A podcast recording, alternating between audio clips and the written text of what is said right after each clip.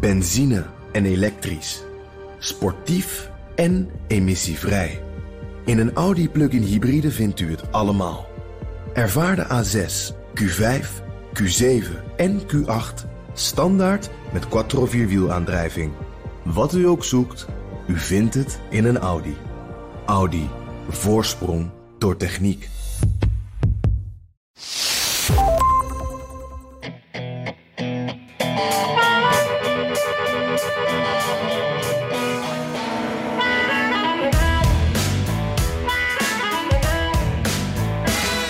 Eerste kandidaat die het durft op te nemen tegen voormalig president Trump is opgestaan. Former South Carolina governor and UN ambassador Nikki Haley is set to announce her presidential run in mid February. She would be the first Republican presidential candidate to join the fray since former President Trump did so last year. Game on.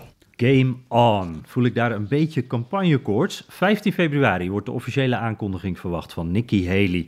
Dit is aflevering 165 van de Amerika-podcast. Ik ben Jan Posma vanuit Washington natuurlijk. De koffie is hier warm, maar buiten is het best wel koud. En mijn naam is Bernard Hammelburg, ook met een volle beker koffie in Studio Hammelburg in Amsterdam. Het is van het vervelende, saaie weer, Jan. Met, uh, een, Ja. met net een te harde bries en een motregen ertussendoor. Maar niet koud, niet echt winter. Dus dat valt mee. Oké. En je Nou. kent mij, elke dag dat het niet echt koud is, vind ik weer meegenomen. Ja. Ja, over, precies, Jan, precies. over het weer gesproken, heb jij nog wat leuks meegemaakt? Nou, zeker. Eh, het is 2 februari als we dit opnemen. En dat is Groundhog Day. Eh, en ik was vanochtend eh, bij de viering daarvan in Washington. En eh, nou ja, we zullen zo ook even laten horen wat de bosmarmot, want die speelt de hoofdrol op Groundhog Day, daar geoordeeld, geoordeeld heeft bij eh, ons in Washington.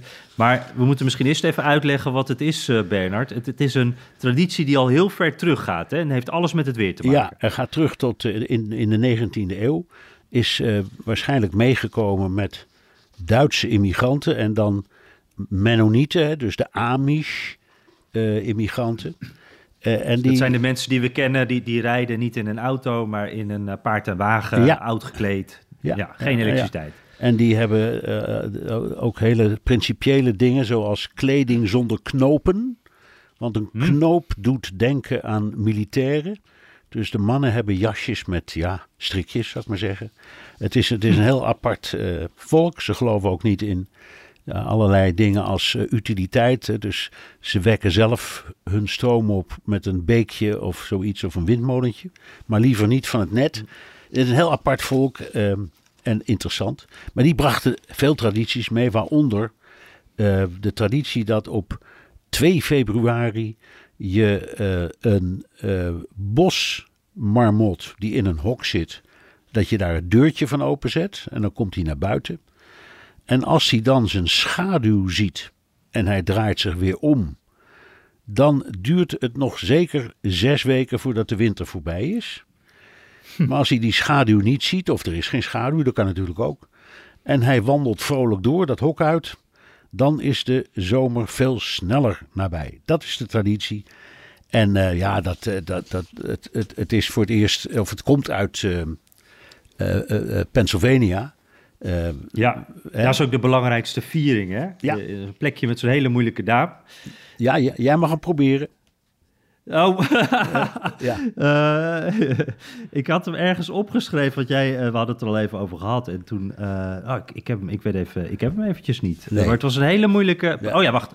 Punxsutawney. Ja, Punxsutawney, dat is hem. Ja, en als Ja. je het, het bestaat, het, als je het, het lijkt wel Russisch, want het bestaat voornamelijk uit medeklinkers, als je het leest.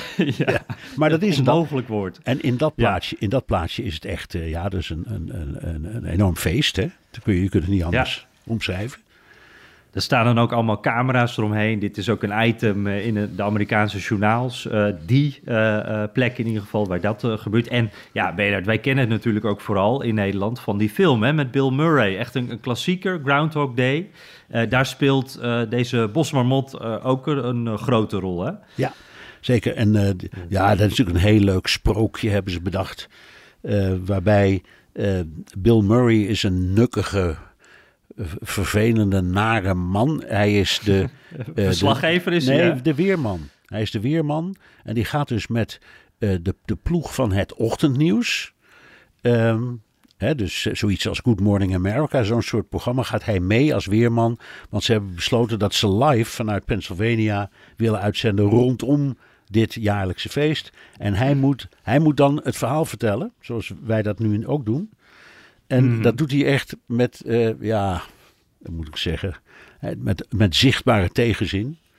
En Ja, zacht en- uitgedrukt. En, en dan komt er een sneeuwstorm en dan kunnen ze niet meer weg. Dus dat team dat, eh, dat verstikt. eh, en, en de volgende ochtend denken ze nou, we staan. En op, op de volgende ochtend gaat dus de wekker. En dan is de tijd niet vooruit gegaan. Dus ze maken dezelfde dag nog een keer mee.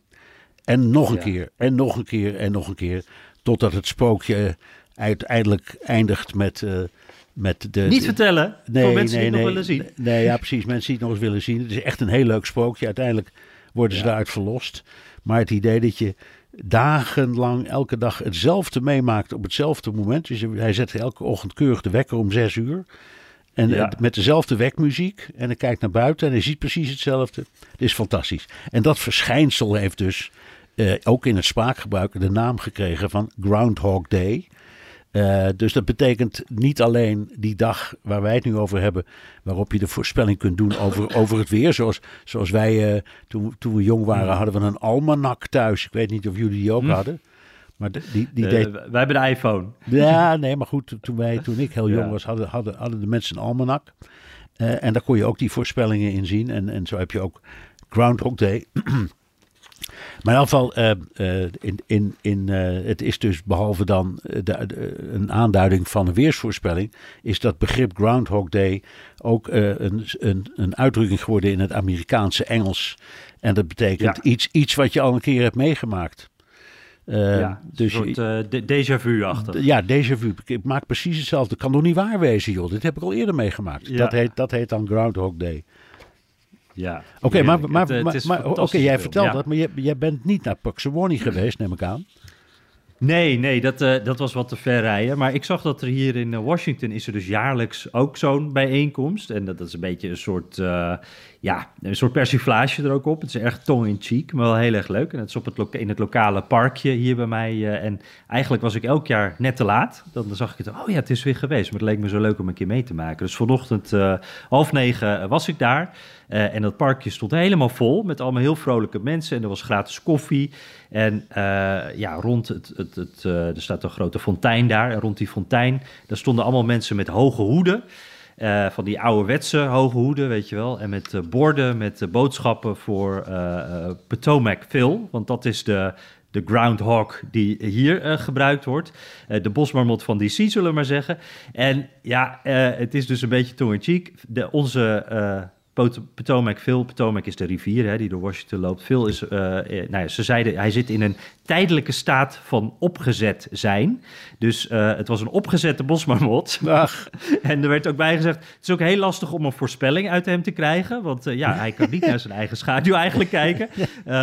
Ja, dus er komt heel veel interpretatie bij kijken, zei die meneer. Ze deden het echt heel leuk. Er werd van tevoren ook nog, was een gebed. En dat begon heel serieus, maar dat was uiteindelijk dus ook gericht aan Potomac Phil. Want dat is eh, de persoon eh, eh, die, die ze volgen.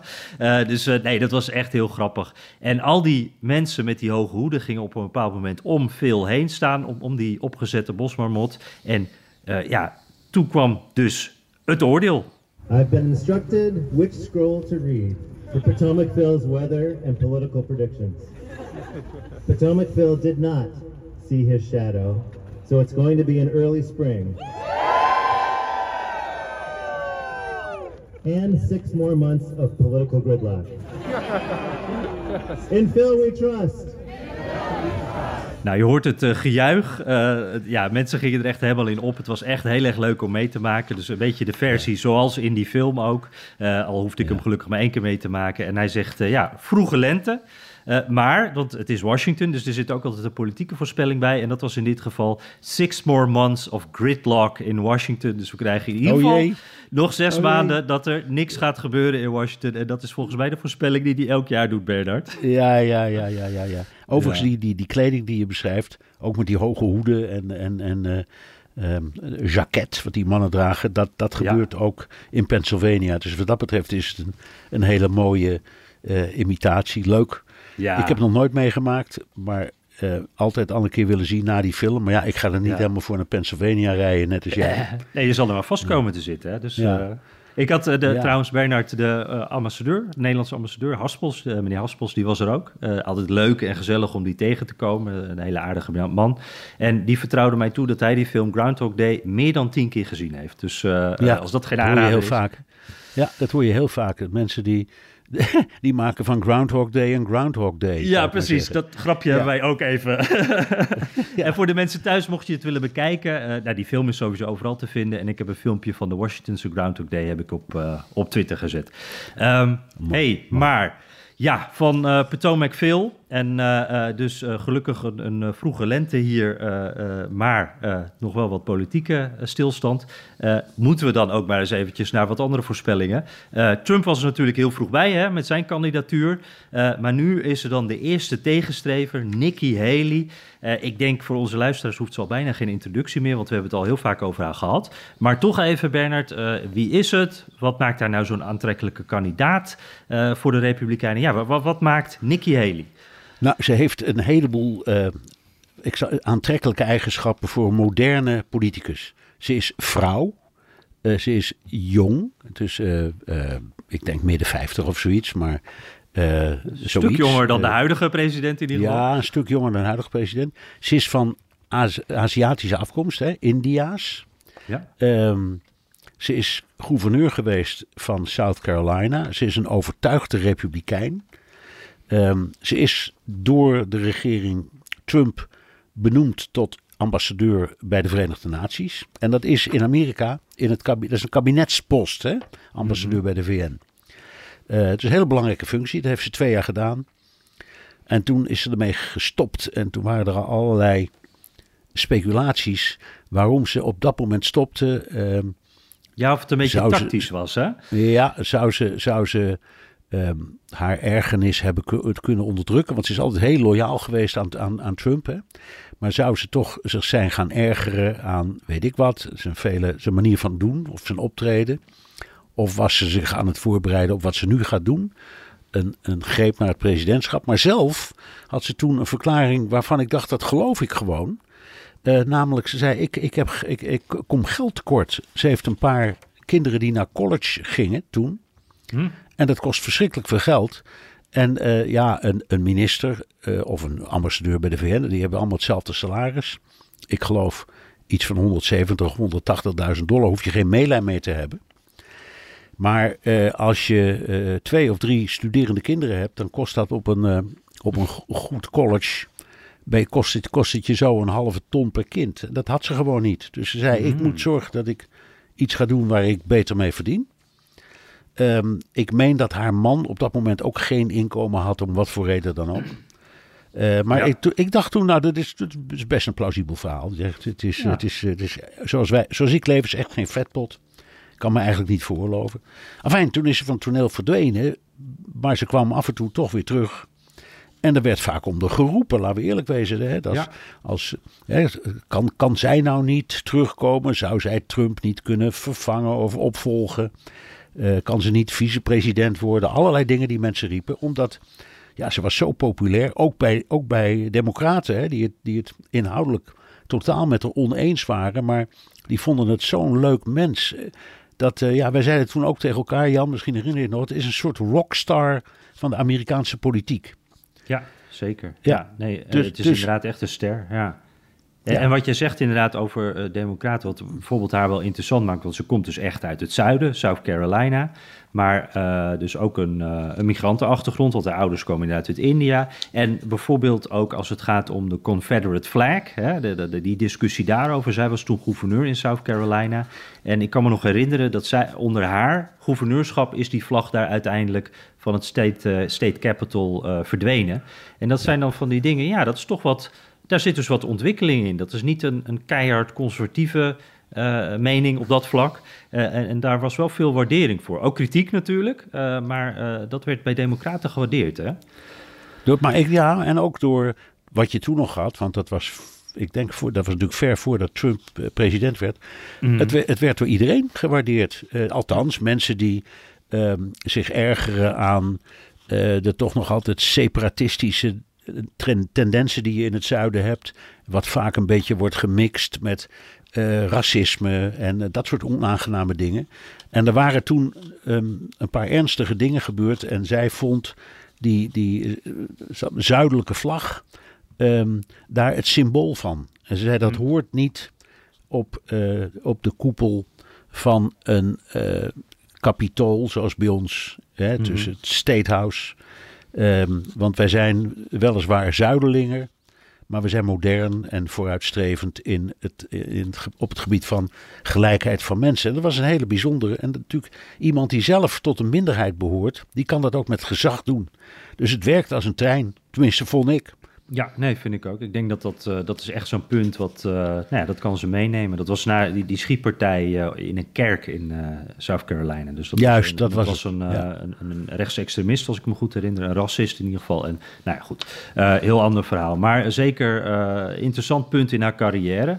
En ja, ik, ik, ik vond het wel grappig. we hadden een berichtje van luister, een luisteraar, Matt Broos, of Matt Broos...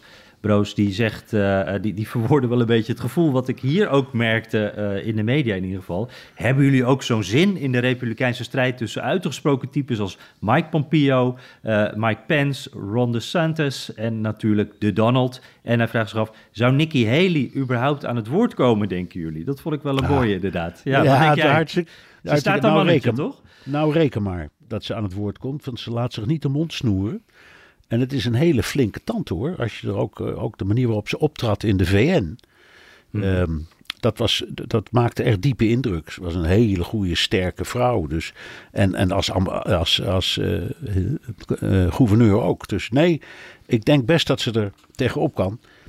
Ehm, ja, de, de vraag is natuurlijk, dat kun je op twee manieren lezen. Kan ze in, in het debat, kan ze die, die, die mannen aan, Pompeo, Pence, de Santos, uh, Trump weet ik niet. Ik weet niet of er überhaupt iemand is die Trump goed aan kan in zo'n debat. Hm. Dat zullen we zien als het zover komt. Um, maar ik, ik inhoudelijk, of laat ik zeggen, wat um, snelheid van reactie betreft, uh, goed en snel reageren, uh, geef ik er minstens zoveel ka kaarten als die andere die Matt Broos noemt. Ja, dat denk ik ook. Ik, ik heb echt wel het gevoel, en, en ik proef het ook wel in jouw woorden, we hebben het er vaak over gehad, maar dat zij is echt wel een van de sterkste kandidaten, denk ik. En als ik denk aan die Mike eh, Pompeo, hè, die oud-minister uh, van uh, wat zeg buitenlandse, ik, zaken. buitenlandse zaken. Ja, ja, precies. En, en Mike Pence ook. Dat zijn natuurlijk wel echt hele bekende namen. Maar tegelijkertijd zijn dat nou niet de mensen die sprankelen, waar, die overlopen nee. van persoonlijkheid. En ja, ik denk dat Nicky ja. Haley, dat voelt toch een stuk vlotter. Ja, ja nou, dus, uh, de Ronde Santos zit er ook tussen. En dat is, die is ja. wel goed van de tongriem gesneden. Dus de, ik, ik zou bijvoorbeeld een, een debat met Nikki Haley en Ronde Santos en, en Trump... zou ik dolgraag willen zien. Dat wordt vast spetteren. Ja. Ja, precies. Ik, ik, ja. We hadden het er al even in BNR De Wereld over. Hè? Uh, dat uh, het wel opvallend was dat Trump die reageert best wel ingetogen op de kandidatuur van, van Haley. Terwijl hij eigenlijk behoorlijk aan het losgaan is op Ron DeSantis. En ik, ik, ja, ik vind het lastig om dat dus te interpreteren. Ik heb het gevoel dat Trump dus wat meer gevaar ziet in de DeSantis. Wat, wat denk jij? Nou, ik vond, ik vond de inhoud van de conversatie fantastisch. Trump zegt tegen DeSantis eigenlijk met, met, niet, niet met zoveel woorden, want hij is tegenwoordig veel voorzichtiger in de manier waarop hij zich uitdrukt. Maar eigenlijk, je bent een soort verrader, want ik heb jou gemaakt. Ja. Zonder mij, ja. zonder mij was je helemaal niks geweest, meneer De Santos. Hè, dat is ongeveer het verhaal. Mm -hmm. En het antwoord van De Santos is, ja natuurlijk, ik heb veel aan je te danken, maar ik heb toevallig met zeer grote meerderheid mijn herverkiezing gewonnen en jij hebt verloren. Dus waar hebben we het eigenlijk over? Ja. ja alle, allebei ja. waar. En ook eerlijk gezegd, in een debat een ontzettend leuke. Dus daar wil ik nog wel meer over horen. Mm-hmm. Uh, en wat jij ook vertelde in BNR De Wereld, uh, of, uh, was dat, die, dat, dat Trump eigenlijk um, iets, zelf, iets zelf, hetzelfde ongeveer doet met Nikki Haley. Omdat Nikki Haley op een bepaald moment heeft gezegd: als, als Trump meedoet, doe ik niet mee. Mm-hmm. Um, en daar komt ze nu op terug. Dus ze doet toch mee. Ja, uh, daar zal hij ook met een gepast antwoord op moeten komen. Hij moet ontzettend uitkijken. Als hij, als hij echt te hard uit zijn slof schiet, dan werkt het tegen hem. Want zowel de Sanders als uh, Nikki Haley, dat zijn allebei uh, mensen waar, ja, die hebben, die hebben echt een redelijk statuur. Ook in de Verenigde Mhm. Staten en ook bij hun tegenstanders. Dus je moet ontzettend uitkijken dat je jezelf niet in de voeten schiet. Ja, dus dat, eh, nogmaals, Ja.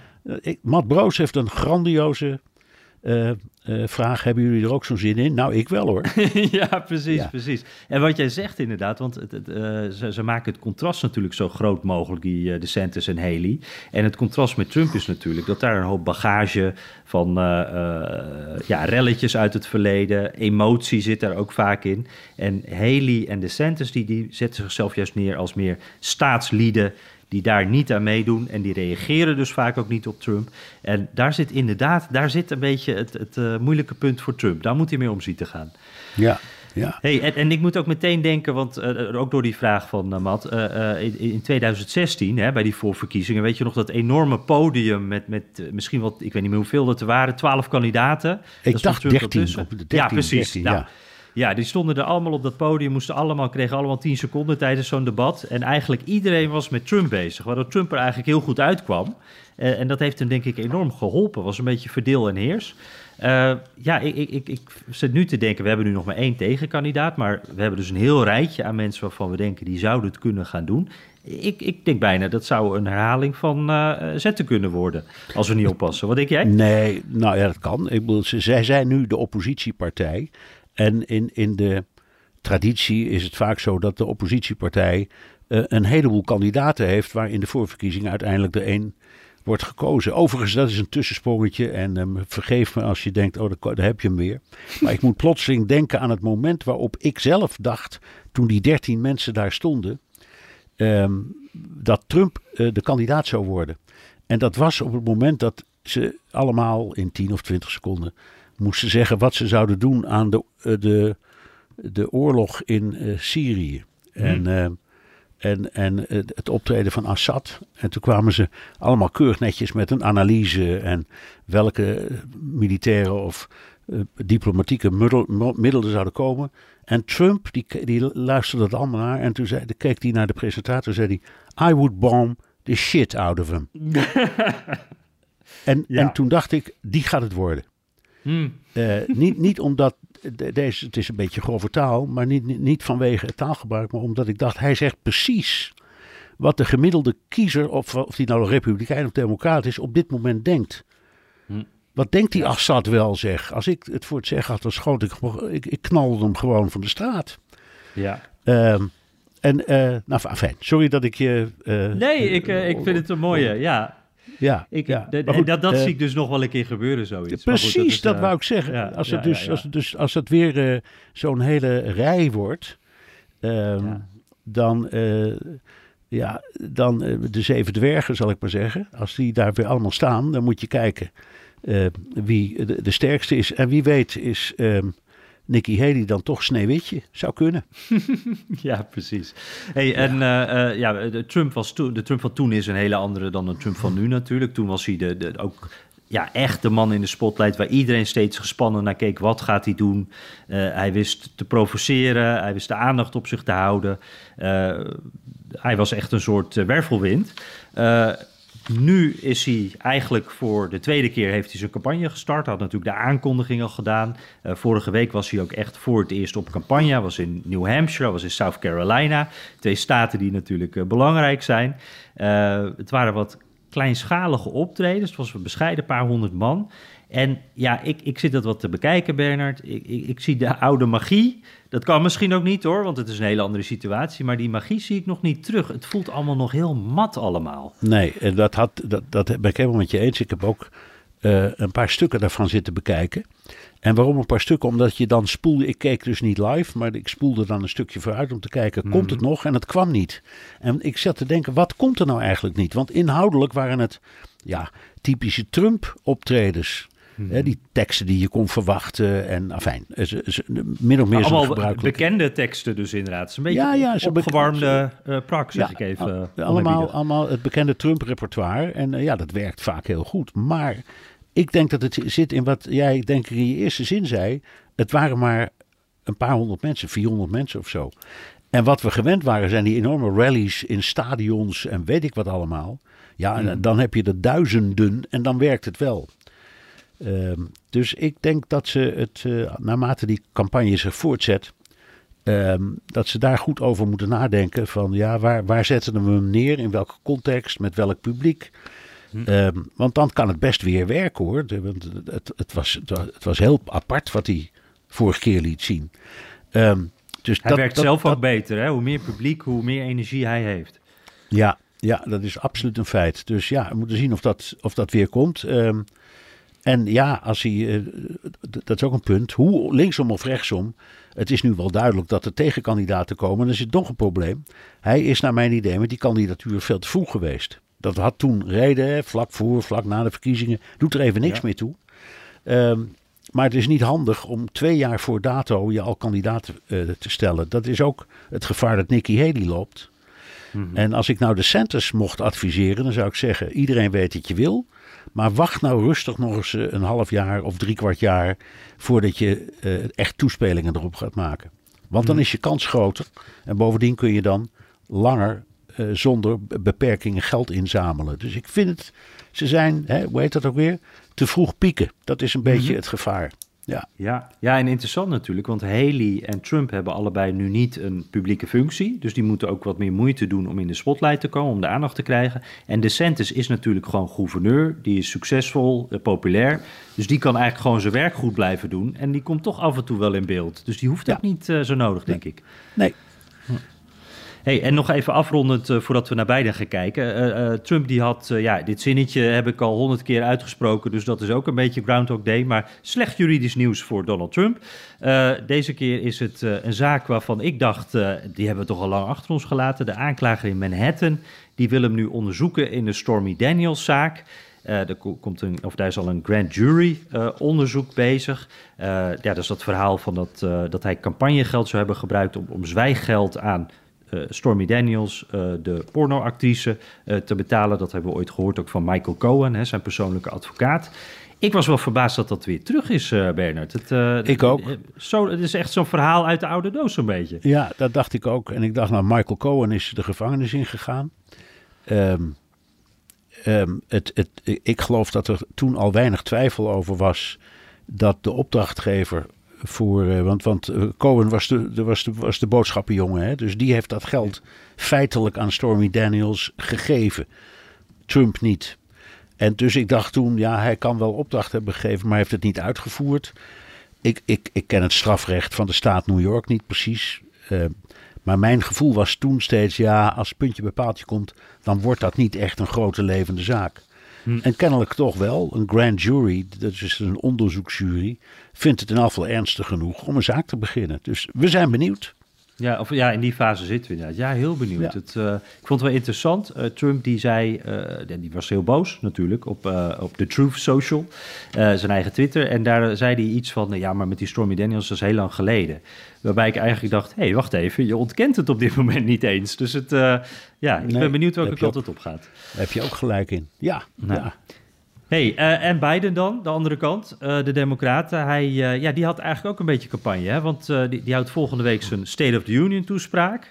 Grote avond natuurlijk, een van de belangrijkste avonden voor een president. En eh, ja, hij is eigenlijk daar, daar naartoe aan het werken met een campagne. Hij was in New York, hij was in Baltimore. Beide keren in een tunnel, of voor een tunnel liever. Ehm, en eh Bernard, ja, het gaat erover natuurlijk, eh, daar komt geld voor vrij om die op te knappen. En ik ga vaak door die tunnels. Ik weet dat jij ze ook kent, als je met de trein van Washington naar New York gaat. Ik denk jij als New Yorker, ik weet dat New Yorkers heel goed kunnen omschrijven hoe de infrastructuur in hun stad eraan toe is. Hoe, hoe voel jij dat? Derde wereldland, Jan. ja. Dat is, New York City is een derde wereldland.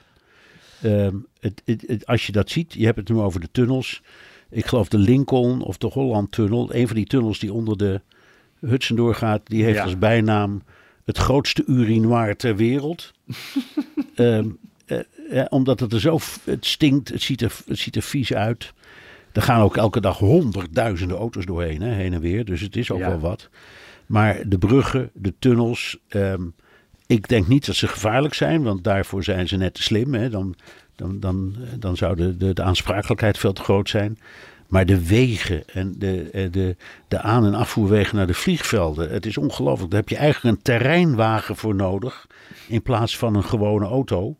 Want het kost je je banden en je assen als je alleen maar daarover rijdt. Het is ongelooflijk. En Ja. ik woon daar al heel lang.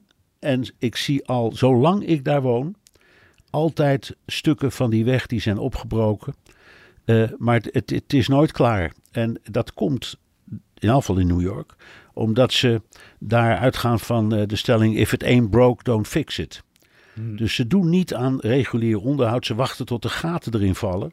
En dan gaan ze repareren. Ja, en wat gebeurt er dan? Als je dat niet echt rigoureus doet, dan krijg je na een tijdje weer gaten. Ja. En met die hete zomers en die strenge winters, ja, dat gaat allemaal zo. Het is. eh, eh, eh, het- ik moet zeggen, het is, het, ik vind niet te geloven hoe. eh, ehm, ja, in, in wat voor derde wereldland je terechtkomt als je daar landt. Ehm, nee, ik en- heb wel en- eens... ja? Ja, ja, nee, ga je gang. Nou, ik wou zeggen, je ziet wel eens de beelden uit eh, Japan, uit Azië, waar, grote steden dan hypermoderne infrastructuur hebben. En dan loop je in de metro van eh, New York, of, of je rijdt over die wegen, of je gaat dus door die treintunnels en denk je, wauw, dit is eh, een andere eeuw. Ja, maar dat is het ook, want het is natuurlijk wel. ik geloof naar Boston is het wel de oudste metro van Amerika. Hè? En het, het is ook een van, niet, niet de, maar een van de oudste van de wereld. Dus eh, ja, dan krijg je dat. Eh, en ze doen niet wat ze bijvoorbeeld in Parijs hebben gedaan. Die, ze hebben daar de metro in, in, in, een, in een paar decennia heeft dat wel geduurd. Echt compleet opgeknapt. En, en in, in New York, ja, het is wachten tot er iets instort en dan maken we het. Ja, ja. Hey, en, eh, maar Biden heeft daar natuurlijk wel wat punten te scoren. En als ik jou Nou zo hoor, eh, Ja. en ik ken New Yorkers ook een beetje, die, die, die willen dat ook wel. Dus eh, dit is eigenlijk campagne met zijn infrastru- infrastructuurplannen, al die miljarden die daar naartoe gaan. Eigenlijk slim, denk ik. Dit is waarop je kan scoren, toch? Dit zien de mensen, Ja, dit ja. merken de mensen. Ja, ehm, het, het, het belangrijkste is dat je hier, hier ruik je in de toekomst werkgelegenheid. En dan zit je meteen aan een probleem. Want ehm, net als eh, andere democratieën, er zijn, er- je hebt een vergunningenstelsel, een gunningensysteem. Ehm, dus voordat, je kunt wel zeggen, je kunt tegen, de, tegen New York of tegen, de, dat gaat om de federale overheid hè, vooral. Maar je kunt wel zeggen, hier is een, hier is een zak met geld. Eh, maar voordat dat eenmaal kan worden uitgegeven en het project start, nou, dan gaat, dan gaat, dan gaat het langer overheen dan een presidentstermijn. Dus Ja. het is ook, je, je moet ook echt het je voor je zien en erin geloven, wat heel, heel veel New Yorkers doen. En ik denk, eh, ook Angelino's in Los Angeles is het ook, is het ook bar en boos. En ook in de andere grote steden. Ehm, Dus wat dat betreft denk ik dat, dat het wel aanspreekt. Alleen, er zijn twee dingen. Het het duurt er heel lang voordat het gebeurt. En de tweede, het tweede punt is, er zijn maar heel weinig stuk, stukjes federaal in waar we het over hebben. Dus bijvoorbeeld de weg van eh, John F. Kennedy Airport naar het centrum van New York. Dat is een New Yorkse weg en geen federale weg. Dus formeel gaat Biden daar helemaal niet over. Dat, En ook dat, ook dat onderwerp slaat hem vroeg of laat in het gezicht. Dus, dus er zitten wel haken en ogen aan. Ja, ja. En eh, on- ondertussen, eh, we hebben afgelopen week ook zo'n zinnetje wat je om de zoveel tijd tegenwoordig uitspreekt. Maar er is weer een huiszoeking geweest bij Bidens eh, buitenhuis eh, deze keer, zijn vakantiehuis. Dat is weer in overleg gegaan. Eh, de FBI heeft daar dus rondgezocht. De FBI heeft eigenlijk gezegd, ja, wij, geloven, wij kunnen het niet geloven als jouw eigen team dat doet, Joe Biden. Dus wij moeten daar echt gaan kijken. En we hebben ook weer een berichtje dat er nu gesproken wordt met Pence ook, om ook zijn huis te gaan doorzoeken. Dus wat je een beetje ziet is dat hele huiszoekingen doen. Dat was, eh, dat was toch een paar maanden geleden, waren we daar enorm van geschrokken. En nu eh, is dat een beetje genormaliseerd eigenlijk. Ja. En eh, die publieke, publieke opinie ook, hè, we hebben het er vaak over gehad. Weet je, de- de- die beiden die willen toch graag over die infra hebben. Maar eh, wat je ziet is dat het heel veel over die documenten gaat. En dat het steeds meer voelt als. Nou ja, wat Trump heeft gedaan, heeft Biden ook een beetje gedaan. En Pence heeft het zelfs ook gedaan. Dus wij hebben het eigenlijk over. Ja, we hebben het eigenlijk over. En misschien is dat ook wel zo. Hè? Dat moeten we ook, ook eens inzien. Overigens, bij die laatste huiszoeking is bij mijn weten niets aangetroffen. Klopt, eh, klopt. zei de FBI. Ja, bij Biden. Ja. bij Biden. Ehm, en eh, nou goed, we, de- kijk, er zijn, er zijn speciale onderzoekers aangewezen. Dus op een bepaald moment horen we echt eh, hoe de vork in de steel zit. Eh, en wat de motieven waren en waarom ze het deden. En of het slordigheid was of dat ze dat bewust hebben gedaan. Of informatie wilden achterhouden. Uh, zoals hij in het geval van Biden zijn allerlei geruchten dat het dan ook over Oekraïne gaat. En dus misschien over zijn zoon Hunter Biden en de invloed die ze op elkaar hebben gehad. Weten we allemaal niet, maar dat soort geruchten krijg je. Dus je moet even afwachten tot die onderzoeken komen. Het voordeel is dat dat is nog zo ver, van nu tot de verkiezingen is nog zo ver. Dat um, ik denk dat uiteindelijk het geen onderwerp is dat in de verkiezingen een grote rol zal spelen. Hm. Uh, daarvoor, daarvoor is dit hele verhaal te vroeg. Het is gewoon Hangt ook van de, de snelheid van uh, justitie af, denk Jawel, ik. maar laat hij nou snel willen waar, maar la, laat zo'n speciale onderzoeker nou eens een jaar bezig zijn, ik noem maar wat. Hm. Ja, dan dat is prachtige timing, hè, want volgend jaar februari begint de verkiezingsrace officieel. Dus ja, dan hebben ze, als ze zorgen dat ze het voor die tijd allemaal af hebben gewikkeld, dat moet kunnen dan, weet je, dan weten we wat meer. En dan, dus in, mijn gevoel daarover is het, ik blijf het spannend vinden. Uh, maar of het nou echt een rol zal spelen in de verkiezingstijd zelf, dat betwijfel ik. Ja, in ieder geval uh, weten we dus dat Biden aan een soort uh, sprintje richting die State of the Union uh, speech bezig is. Ja. En we horen ook geruchten, dat volgens mij, die komen gewoon uit zijn eigen team. Maar we horen geruchten dat hij ergens in de weken na die State of the Union toespraak, dat hij dan ook zo'n aankondiging zou doen. En dat Biden, ja, er wordt nog steeds gezegd, Biden wil het nog een keer gaan doen. Dus dat Biden ook nog een keer presidentskandidaat zou zijn. En ik denk dan, we hebben het net over de Republikeinen gehad, waar de eerste is opgestaan. Uh, en dan denk ik van ja, die democraten die staan allemaal nog een beetje in de coulissen te kijken, die wachten af. Uh, er zijn ook niet heel duidelijke namen, zoals Nikki Haley bij de Republikeinen. Dat is iemand, daar hebben we het al wat langer over. Maar bij de Democraten, ja, het, het, het ligt allemaal een beetje lastig. Wat denk jij? Is, is er, het is ook nogal wat. Stel dat Biden het gaat doen. Durft, denk jij dan, een van die democratische kandidaten, een zittende president, toch een beetje aan te vallen, zich daartegen uh, kandidaat te stellen? Ik, ik betwijfel het, omdat als je dat doet, dan weet je bijna zeker dat je de belangrijkste kandidaat onderuit haalt. Gewoon getalsmatig al. Hè? Als er een stevige tegenkandidaat uit democratische huizen bijkomt, en een aantal van de kiezers die door democraten stemmen vinden dat ook wel een geschikte kandidaat, dan gaat het ten koste van Biden. Dus het is, het is tactisch en rekenkundig gezien niet handig. Um, maar bedoel je dan, want we hebben het nog over de voorverkiezingen natuurlijk, bedoel je dan dat mensen ook een beetje afhaken, zoals met Obama ja, en Hillary Clinton toen, ja, dat je dan, je, ja, je dat, raakt wat enthousiasme kwijt. Ja, ook als moet je, ja, dat, ja, precies. Dus daar moet je ontzettend mee uitkijken. Um, en uh, er is, ja, het, het komt bijna nooit voor dat een zittende president een echte concurrent heeft. De enige keer dat ik me dat kan herinneren was in de campagne van 79-80. Carter tegen, uh, uiteindelijk tegen Ronald Reagan. Maar in de voorverkiezingen had Carter een, een, een, uh, een tegenkandidaat, dat was Ted Kennedy senator. En even ter, ter, verduidelijking, jij was toen correspondent, jij hebt dit echt van nabij meegemaakt. Ik heb die hele, die hele, campagne, die hele campagne heb ik van A tot Z gevolgd. Ik ben dus mm -hmm. zowel met Carter als met Kennedy ook meegereisd op de campagne. Uh, en dat was interessant om gade te slaan, want Carter was natuurlijk een beetje, werd gezien als een, um, ja, hoe moet ik het zeggen, toch een beetje als een, een, een vage intellectuele prutser. Um, er waren enorme problemen in het land. Je had natuurlijk die, die, die gijzeling hè, van uh, 52 diplomaten in Teheran. Maar er was ook uh, een enorme inflatie, veel, echt enorm. Um, de, de rente stond mega hoog. Het, het, liep economisch slecht. Er was, een, er was op een bepaald moment zelfs een, een, olie- en benzinecrisis. Dus Carter had veel tegen zich. En die Kennedy, dat was een hele flamboyante, leuke uh, man die een hele geestige, maar ook wel een spijkerharde campagne heeft gevoerd tegen Carter. En dat heeft Carter echt beschadigd. Um, en uh, nou ja, uiteindelijk heeft Carter dan de nominatie gewonnen, maar die was echt zwaar gehavend. En Kennedy heeft op die uh, conventie een prachtige toespraak gehouden. Uh, waarin hij uiteraard Carter omhelste en zei dat hij uh, een campagne voor hem zou voeren, wat hij ook keurig heeft gedaan. Maar het kwaad was al geschied. Hmm. Want heel veel kiezers die dachten, ja die Carter die gaat het toch niet worden. En die werd het ook niet. Hè. Toen werd het uiteindelijk Reagan. Ja, want, want Ehm, om de, de hardheid even ook te, te, te accentueren. de- de- op die conventie, wat normaal gesproken natuurlijk altijd al zo'n moment is. Je weet wie de kandidaat gaat worden. Dat is allemaal voorgekookt. Dit was echt een conventie waar volgens mij pas op de tweede dag bekend werd dat het Carter zou worden. Hij moest Ja. echt, eh, in eerste instantie had hij niet genoeg stemmen. Nee, dat, dat is waar, maar dat heeft ook te maken met het systeem van die conventies.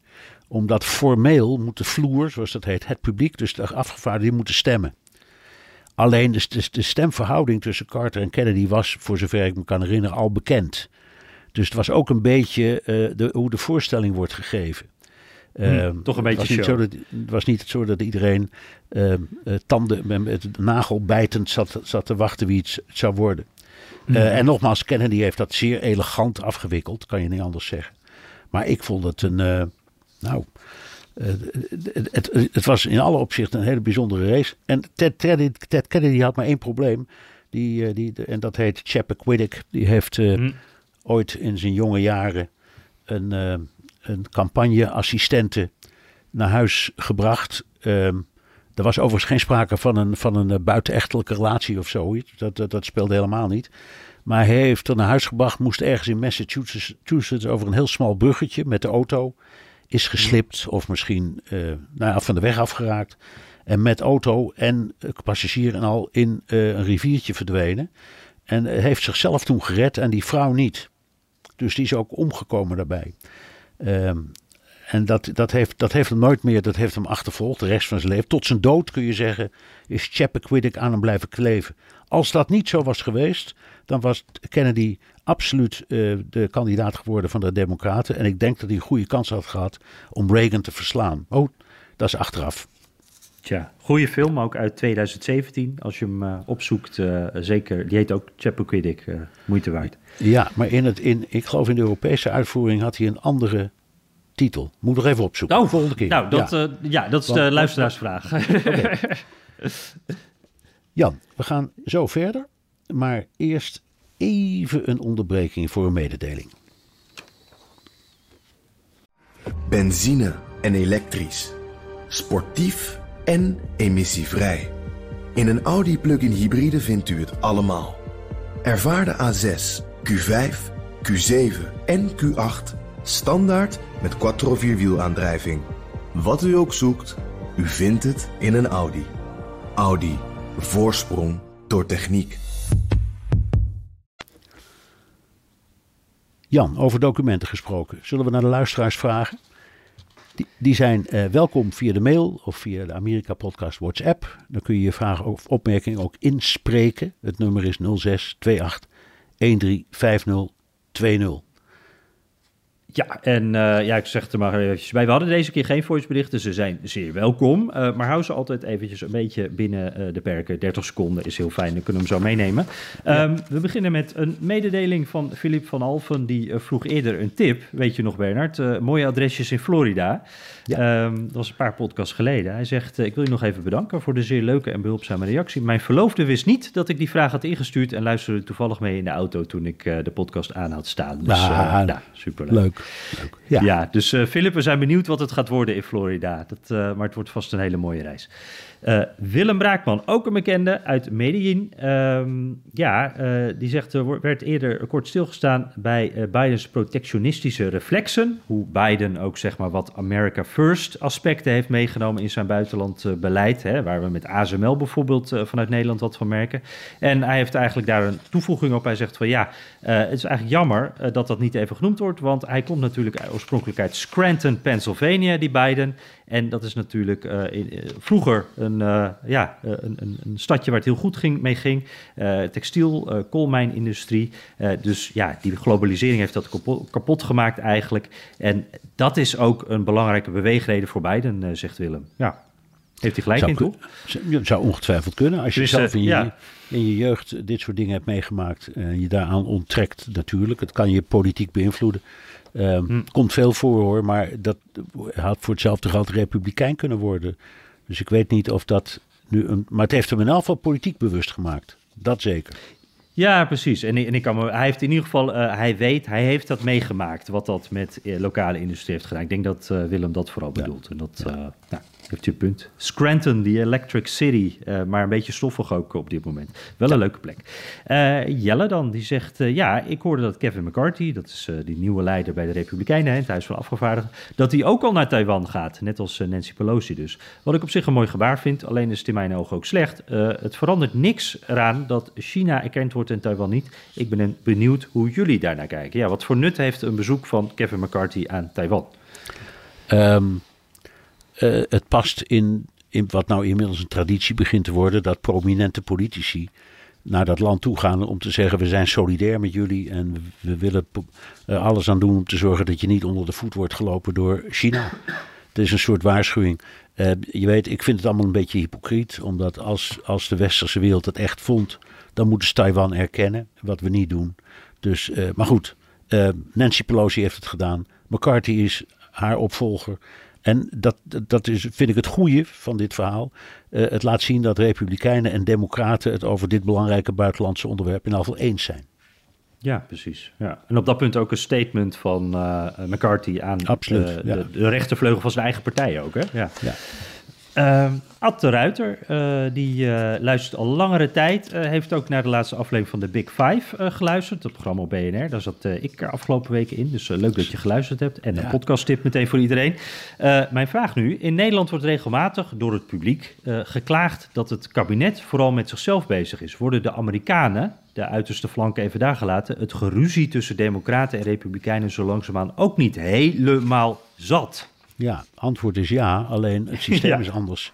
In een parlementaire democratie kun je een motie van wantrouwen indienen. En dan valt het kabinet, krijg je verkiezingen en dan krijg je een ander. Hè, krijg je een ander kabinet. In het Amerikaanse systeem, het presidentiële systeem, kan het niet. Zo simpel is het. Hm. Ja, en, uh, maar ik denk het, het, het, hoe je in Nederland wel eens hoort, het geklaag over Brussel, het geklaag over Den Haag. Ja, hier heet het dan Washington, maar verder, dat lijkt erg op elkaar, toch? Dat lijkt wel op elkaar. Alleen nogmaals, je kunt er als kiezer, je kunt er, zeggen, in de politiek, in, in, een, in een systeem, in een, zoals wij dat hebben, een parlementaire democratie, kun je er meer aan doen. Nou, dank in ieder geval Ad voor die vraag. Chris Wilbrink dan, uh, die al vanaf het begin zo'n beetje te, uh, luistert, want hij heeft ook alles teruggeluisterd. En die luistert vaak als hij boodschappen doet. Dus tijdens de Hollandse boerenkool en rookworst uh, uitzoeken, hoor ik alles wat jullie vertellen over Amerika. Mooi. en hij vraagt zich af, jullie hebben het regelmatig over de diverse manieren van fundraising van presidentskandidaten voor hun campagnes. Maar ik vraag me af, waar gaan al die geldstromen dan naartoe? Als er zoveel geld gemoeid is met die campagnes, dan moeten daar toch mensen echt enorm rijk van worden. Wie zijn dat? Ik vind Ja, het een nou, hele mooie vraag. Hij ja, heeft helemaal gelijk. Reclamebureaus, eh, die worden er heel rijk van, want die verzinnen voor een groot deel de campagne en die maken ook de commercials. Die worden uitgezonden op radio, televisie, de advertenties in kranten en op websites. Ehm, en daar wordt heel veel geld aan verdiend. Dus die mensen verdienen heel veel geld. En je hebt heel veel geld nodig om zo'n campagne gaande te houden. Je moet overal kantoortjes openen. Je moet daar mensen hebben. Er moet gereisd worden. Er wordt doorgaans een vliegtuig gekocht of geleased. Waarmee de, kandidaat kriskras het land door kan. Dus ja, daar gaan scheppen geld heen. Ja, en daar worden dus ook echt eh, de goede consultants, eh, eh, die lopen echt helemaal binnen volgens mij, toch? Keihard werken, maar ook heel veel geld verdienen. Heel veel geld en in zeer korte tijd. Hè? Want zo'n campagne duurt niet zo lang. Tweeënhalf jaar heb je het gehad. Ja, ja, ja. hey, Bernard, mijn, mijn koffie is op. Ik weet niet hoe het met jouw koffie is, maar ik denk dat we maar even af moeten ronden, of niet? Ja, terugluisteren kan via de BNR-site, Apple Podcast of Spotify. Heb je vragen, opmerkingen, kritiek of complimenten? Dan kan dat ook met een tweet naar Jan Posma USA of BNR De Wereld. Of heel ouderwets met een mailtje naar dewereld.bnr.nl. En je kunt je vragen ook inspreken of intikken op de Amerika Podcast WhatsApp 06 28 13 5020. Ja, en eh, welk platform je ook kiest, eh, je weet het hè. Zet behalve je naam ook je adres eh, even in de tekst, want dan maak je kans op die fantastische Amerika-podcast Koffiebeker. We gaan er volgende week weer eentje weggeven, dus stuur die vraag vooral in. Ja, Bernard, het is hier dus een beetje koud. Bij jou is het een beetje nat en kil. Eh Potomac Phil, die, die kondigde het voorjaar aan.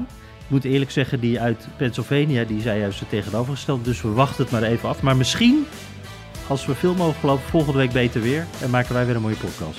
Zo is het. Dag Jan.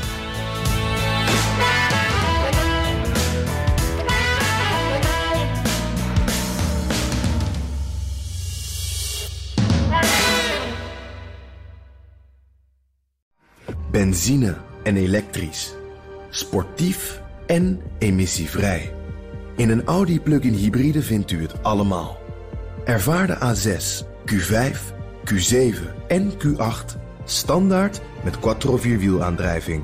Wat u ook zoekt, u vindt het in een Audi. Audi. Voorsprong door techniek.